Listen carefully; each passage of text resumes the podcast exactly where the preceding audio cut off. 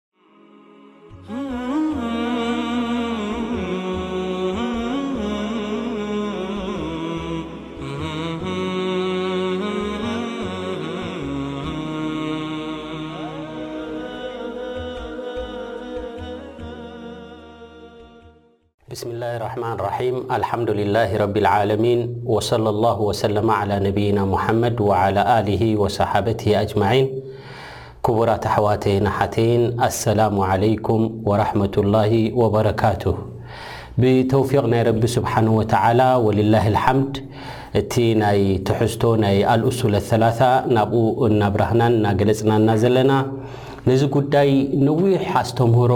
ወሲድናሉ ኣለና። ንምንታይ እዩ እንተደኣ ተባሂሉ ብዕሙቕ ዝበለ ፍልጠት ኩላትና ክህልወና ኣለዎ። ምኽንያቱ እዚ ጉዳይ እዚ ቀሊል ኣይኮነን፣ ብቐሊል ዝረኣይ ኣይኮነን። እቲ ዝዓበየ ፈተነ ዝፍተነሉ ወዲ ሰብ፣ በል ንምስቲ ፈተነ ናይ መሲሕ ኣደጃል ዝዳረግ ወይ ንዑ ዝቃራርብ ፈተነ እዩ ወዲ ሰብ ኣብ መቃብር ምስ ኣተወ ዝፍተን ማለት እዩ ወሊዛሊክ ኣብ ሳሒሕ ኣልቡኻሪ ኣሎ ኣነቢ ዓለይሂ ሰላቱ ወሰላም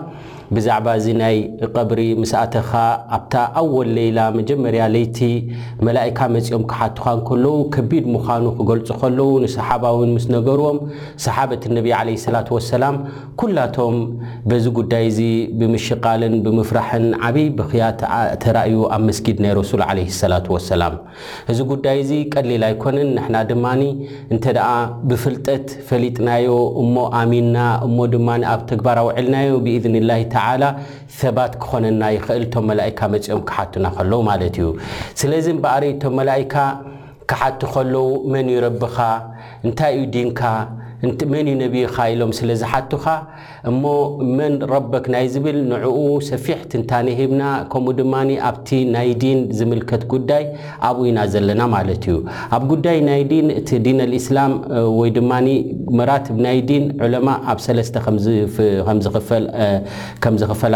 ርኢና ማለት እዩ። ከምኡ ውን ነዚ መርትዖ ዝኸውን ሓዲት ጅብሪል ከም ዘለና ርኢና ማለት እዩ። እቲ መራትብ ናይ እስልምና እቲ ናይ ዲን እንታይ እዩ? ኣልእስላም ወልኢማን ወልኢሕሳን እዩ። እስልምና ብደንቢ ተንቲና ሕጂ ኣብቲ ኣልኢማን ኢና ዘለና ማለት እዩ። ኢማን እንታይ ማለት እዩ? ኢማንን እስላምን ክንብል ከለና ከ እንታይ እዩ እቲ ፍልልዩ? ኣብቲ ዝሓለፈ ቅድሚ ማለት ቅድሚ እዛ ክፍሊ እዚኣ ርኢናዮ ኣለና ማለት እዩ። ሎሚ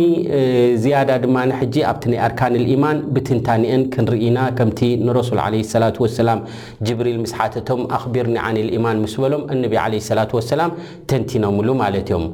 ኣርካን ኢማን ከምቲ ኩላትና እንፈልጦ ሽዱሽተ እየን። ሩኩን ክበሃል ከሎ ድማ እቲ ቀንዲ ነገር እቲ ንዝኾነ ንገዛ ሕጂ ዓንድታት ኣለዎ።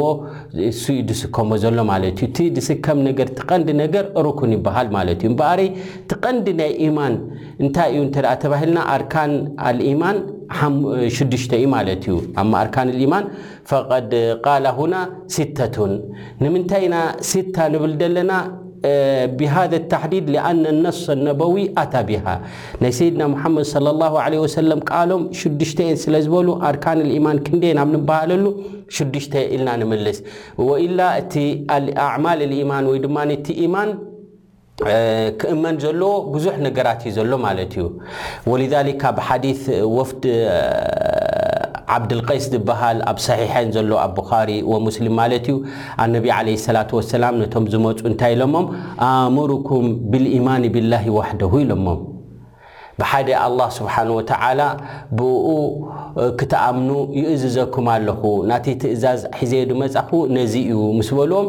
ቃል ብድሕሪኡ ስዕብ ኣቢሎም ኣነቢ ዓለይሂ ሰላቱ ወሰላም እንታይ ኢሎሞም፣ ኣተድሩና መልኢማኑ ቢላሂ ዋሕደሁ ኢሎሞም፣ ትፈልጡ ዲኹም ከ ኣልኢማን ቢላሂ ዋሕደሁ እንታይ ማለት እዩ ምስ በሎም ቃሉ ኣላሁ ወረሱሉሁ ኣዕለም ኢሎሞም ረብን ረሱልን ይፈልጡ ደኣ እምበር ንሕናስ ኣይንፈልጥና ኢሎሞም ኩላ ግዜ ድማ ወዲ ሰብ እንተ ተሓቲቱ ጉዳይ ናይ ሸሪዓ እንተ ዘይፈልጦ ኮይኑ ኣላሁ ኣዕለም ክብል ኣለዎ ማለት እዩ ፈነቢ ዓለይሂ ሰላቱ ወሰላም ኣይንፈልጥን ኢና ምስ በልዎም እንታይ ኢሎሞም ابقر الايمان بالله وحده تأ ገللكم كይن الم النب عليه الصلة واسلام شهادة ان لا اله إلا الله وأن محمدا رسول الله واقام الصلاة المم وإيتاء الزكاة وصيام رمضان وأن تؤدو من المغنم الخمص المم እንታይ ሕጂ ንርዳእ ኣለና ማለት እዩ ምስቲ ኢማን እንታይ ኣትሎ ኣዕማል ኣትሎ ማለት እዩ እምበኣር ኢማን ክበሃል ከሎ ከምቲ እቲ ዝሓለፈ ዝጠቀስናዮ ማለት እዩ እንታይ ማለት እዩ ሙሰማ እቲ ተግባራት ኣብ ሙሰመ ኢማን ኣብ ናይ ኢማን ከም ዝኣቱ ብዝያዳ ገሊፅና ነርና ማለት እዩ እምበኣረይ ኣልኢማኑ ቢላህ ዝበሃል ስኒ ብላኢላሃ ኢለላህ መሓመድ ረሱሉላህ ክተኣመን ከምኡ ውን ሰላትካ ክትሰግድ ከምኡ ውን ዘካትካ ከተውጽእ ከምኡ ውን ሮመዳንካ ክትጸውም ከምኡ ድማ ኣብ ሰለባ ናይ ውግእ ዝተማረኸ ነገራት ድማ ኹሙስ ድማ ናብቲ ቤተልማል ድመጽእ ድማ እዚ ድማ ክትፍጽሙ ኢሎም ኣነቢ ለ ሰላት ወሰላም ድኣዘዞም ኣብ ሓዲት ኣሰሒሐይን ይርከብ ማለት እዩ እዘን እታ ቀዳመይቲ እንታይ እያ ካብትን ኣርካን ኢማን ኣንትኡሚና ቢላሂ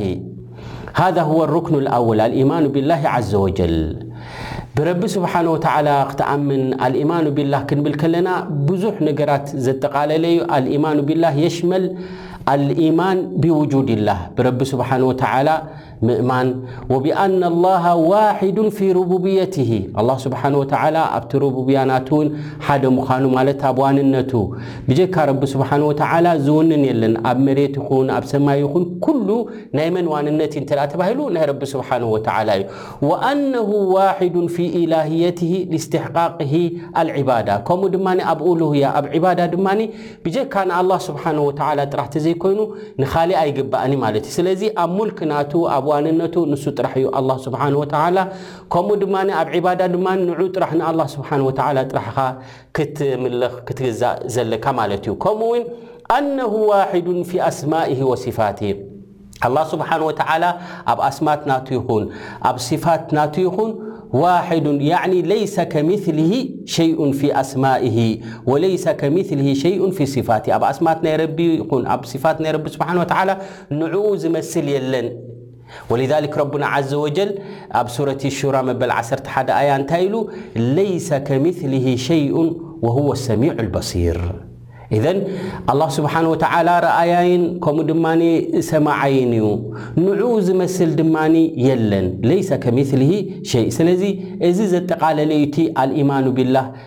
ክንብል ከለና ማለት እዩ። ብ ማለት ኣብ ሙልክ ናቱ ረቢ ስብሓን ወተዓላ ንብሐቱ ኩሉ ሙልክ ናቱ ምኻኑ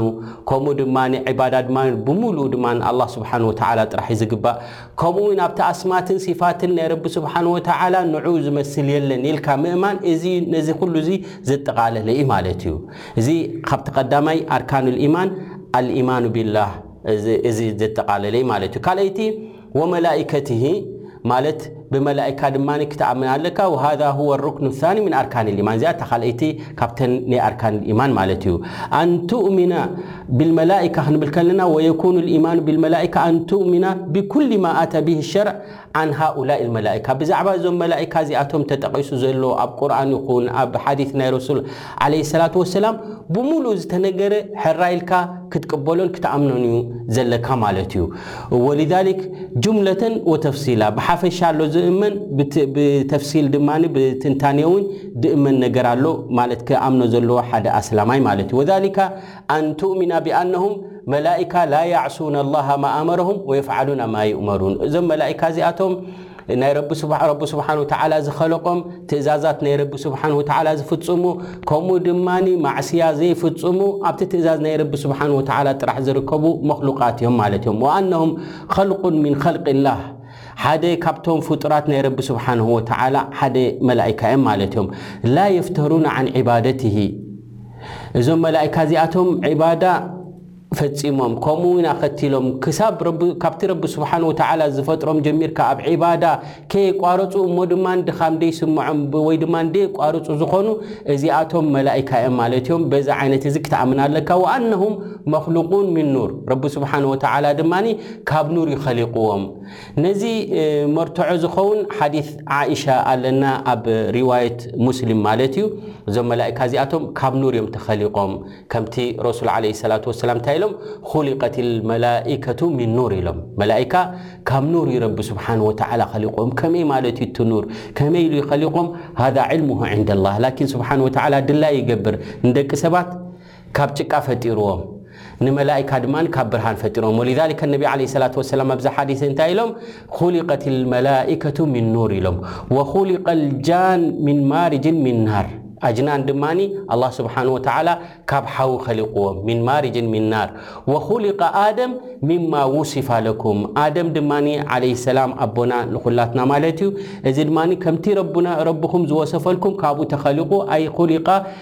ሚነ ጢን ካብ ሓመድ ረቢ ስብሓነሁ ወተዓላ ኸሊቕዎ ማለት እዩ። ኢዘን ወኑእሚኑ ቢማ ጃኣ ሚን ኑሱሲ ቢኣስማኢሂም ወቢማ ኡኪሉ ቢሂ ሚን ኣዕማል ኩሉ ናይ መላኢካ ነገር ብሓፈሻ ካብ ኑር ዝተኸለቑ እዮም ከምኡ ድማ ኣብ ዒባዳ ናይ ረቢ ዝርከቡ ማዕስያ ዘይፍፅሙ እዮም ኢልና ከምኡ እውን በቲ ዝተነገረና ኣስማቶም ድማ ከምቲ መፂኡ ዘሎ ብሸርዒ ድማ ብኦም በቲ ኣስማቶም ድማ ንኣምን ማለት እዩ ወኑእሚኑ ቢኣነ ሁናክ መለከን ኢስሙሁ ጅብሪል ኣሎ ጅብሪል ከም ዘሎ ንኣምን፣ ወሚካኢል ወኢስራፊል ድማ በዚኣቶም ድማ ንኣምን ማለት እዩ። እቲ ኣዕማል ናታቶም እውን ዝያዳ ድማ ኣብ ትንታነ በፂሕካ ድማ ንክትፈልጦ እውን እዚ እውን እቲ ዝያዳ ዝተፈትዎ እዩ ማለት እዩ። ጅብሪል ኣሚን ኣልዋሒ እዩ፣ ኢስራፊል ከምኡ ድማ ሚካኢል ነናቶም መወከሊን ብልኣዕማል እዮም እዚኣቶም በቲ ስራሓቶም ድማ ትኣምን ማለት እዩ ግን ብጠቕላላ ብሓፈሻ ጅብሪል ኣብ ቁርኣን ተዘኪሩ ኣሎ ሚካኤል ተዘኪሩ ኣሎ እዚኣቶም እቶም ተዘከሩ ብኡ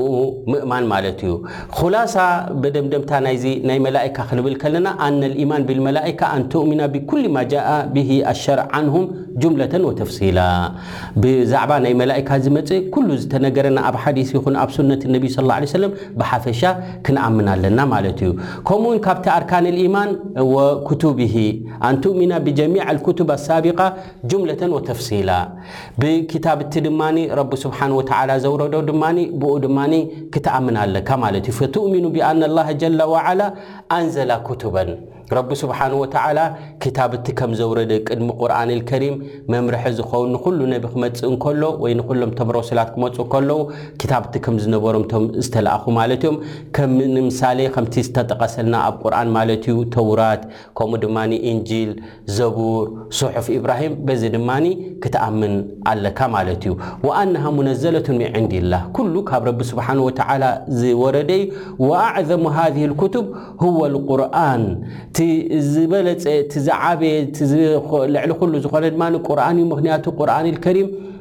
ወኣነሁ ሙዕጂዘቱን ሊነቢይ ሰለላሁ ዓለይሂ ወሰለም ሙዕጂዘቲን ኣልኩብራ እቲ ዝዓበየ ሙዕጂዛ ናይ ረሱል ሰለላሁ ዓለይሂ ወሰለም ቁርኣን እዩ። ከምኡ ድማ ቁርኣን ኩሉ ነገራት ብትንታነ ዝገለጸ እዩ ማለት እዩ። ከም ቁርኣን ገይሩ ዝተገለጸ ንቅድሜና ዝነበረ የለን ማለት እዩ። እቲ ዝበለጸ ዝበዝሕ ትንታነ ዘለዎ ኣየናይ እንተ ኢልካ ሁወል ቁርኣኒል ከሪም ስለዚ ብቁርኣኒል ከሪም ትኣምን ብሓፈሻ ድማ ኣላህ ስብሓን ወተዓላ ናብቶም ቅድሜና ዝነበሩ ልኡኻት ድማ ኩቱብ ከም ዘውረደ ድማ ትኣምን ማለት እዩ ብሓፈሽኡ ማለት እዩ ትንታኒኡ ከምኡ ድማ ኣብኡ ዝርከብ ንዓና መምርሒ ክኾነና ድዩ እዚ ጥልቕ ዝበለ ፍልጠት እቶም ዑለማ ሙስተሓብ ይኸውን ንዓቶም ዝያዳ ክትንትንዎ ይኽእሉ ማለት እዮም ንሕና ላኪን እንታይ ክንኣምን ኣለና ብሓፈሽኡ ክታብ እቲ ከም ዝወረደ ረቢ ስብሓን ወተዓላ ክንምርሓሉ ዘለና ፅባሕ ንጎ ንሕተተሉ ድማ ቁርኣን ልከሪም ስለ ዝኾነ ብቁርኣን ልከሪም ዘለና ዝያዳ ዝሰፍሐ ክኸውን ኣለዎ ማለት እዩ ከምኡ ድማ ወትኡሚን ካብተን ኣርካን ልኢማን ማለት እዩ ወሩሱሊህ ኢሉ ኑእሚን ብኣን ላሃ ኣርሰላ ሩሱለን ወሃኡላይ ሩሱል ኑእሚኑ ብኩል ማ ጃኣ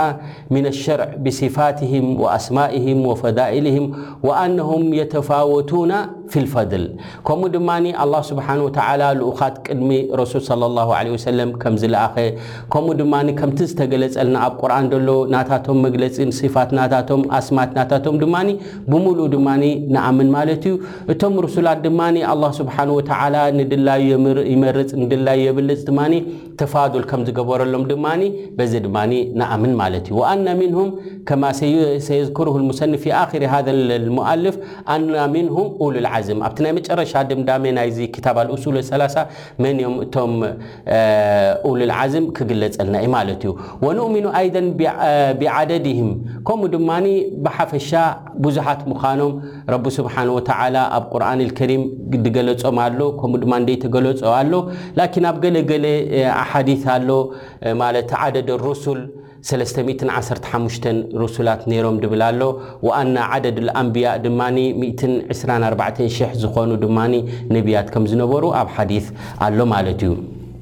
እዚ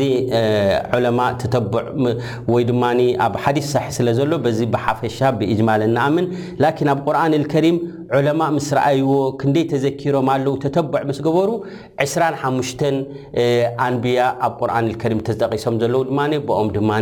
ንኣምን ማለት እዩ እዘን ኣልኢማን ብሩሱል ክበሃል ከሎ በቶም ዝሓለፉ በቲ ዝተገለፀልና ብሓፈሽኦም ንኣምን ማለት እዩ ወኣይደን ወቀውልሁ ወብልየውም ልኣክር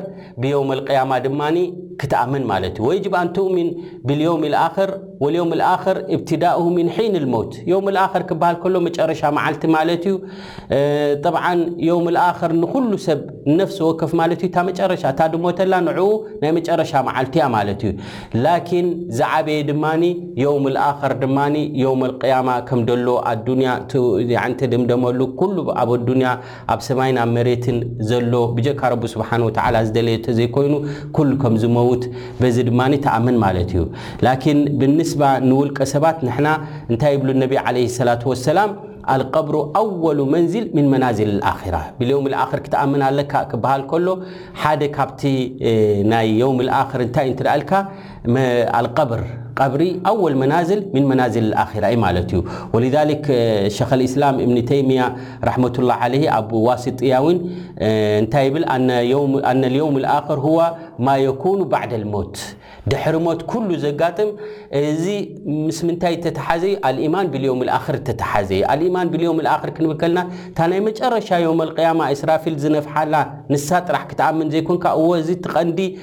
ኣዱንያ ናይ መጨረሻ እስራፊል ምስ ነፍሓሉ ኩሉ ዝሞተሉ ሂወት ዘለዎ ድበሃል እዚ ሓደ እዩ ምስኡ ዝኣቱ ድማ እንታይ ኣሎ ማለት እዩ ኩሉ ካብ ሞትካ ጀሚርካ ዘሎ ድማ እዚ ምን የውም ልኣክር እዩ ዝበሃል ማለት እዩ ፈየጅቡ ልኢማኑ ቢማ የጅሪ ፊልቀብር ኣብ ቀብሪ ምስ ኣተኻ ደጋጥመካ ሕቶ ናይ መላኢካ ድዩ ከምኡ ድማ ማለት መላኢካ መፅኦም መን ረቡ ኮማዲኑ ኮመን ነቢዩ ክሎም ክሓቱኻ እንከሎ በዚ ምእማን እዚ ሓደ ካብቲ ኣርካን ልኢማን እዩ ማለት እዩ ኣልኢማን ብልዮም ልኣኽር ማለት እዩ ከምኡ እውን ሚዛን ከም ደሎ ዮም ኣልቅያማ ሲራጥ ከም ዘሎ ኣልጀና ወናር እዚ ኩሉ ምስ ምንታይ ተሓዘ እዩ ኣልኢማን ብልዮም ልኣኽር ማለት እዩ ኩሉ ማ ኣኽበረ ብህ ሸርዕ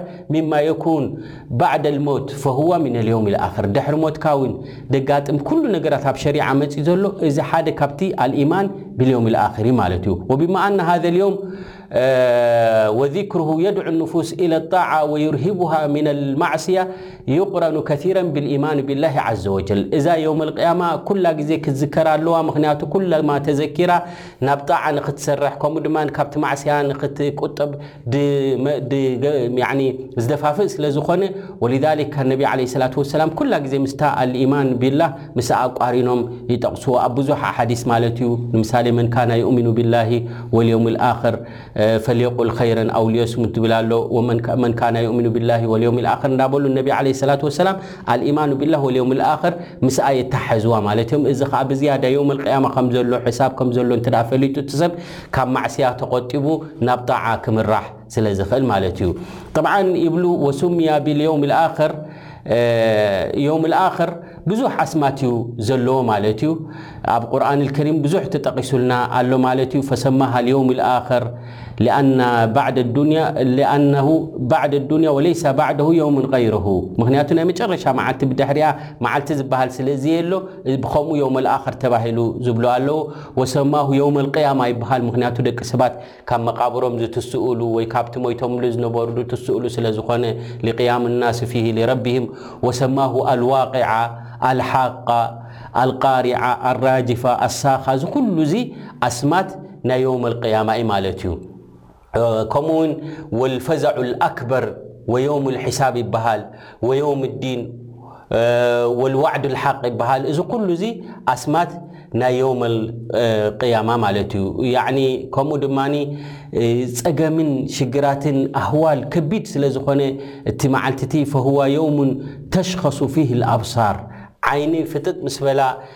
ሰለም ዘይብላሉ ግዜ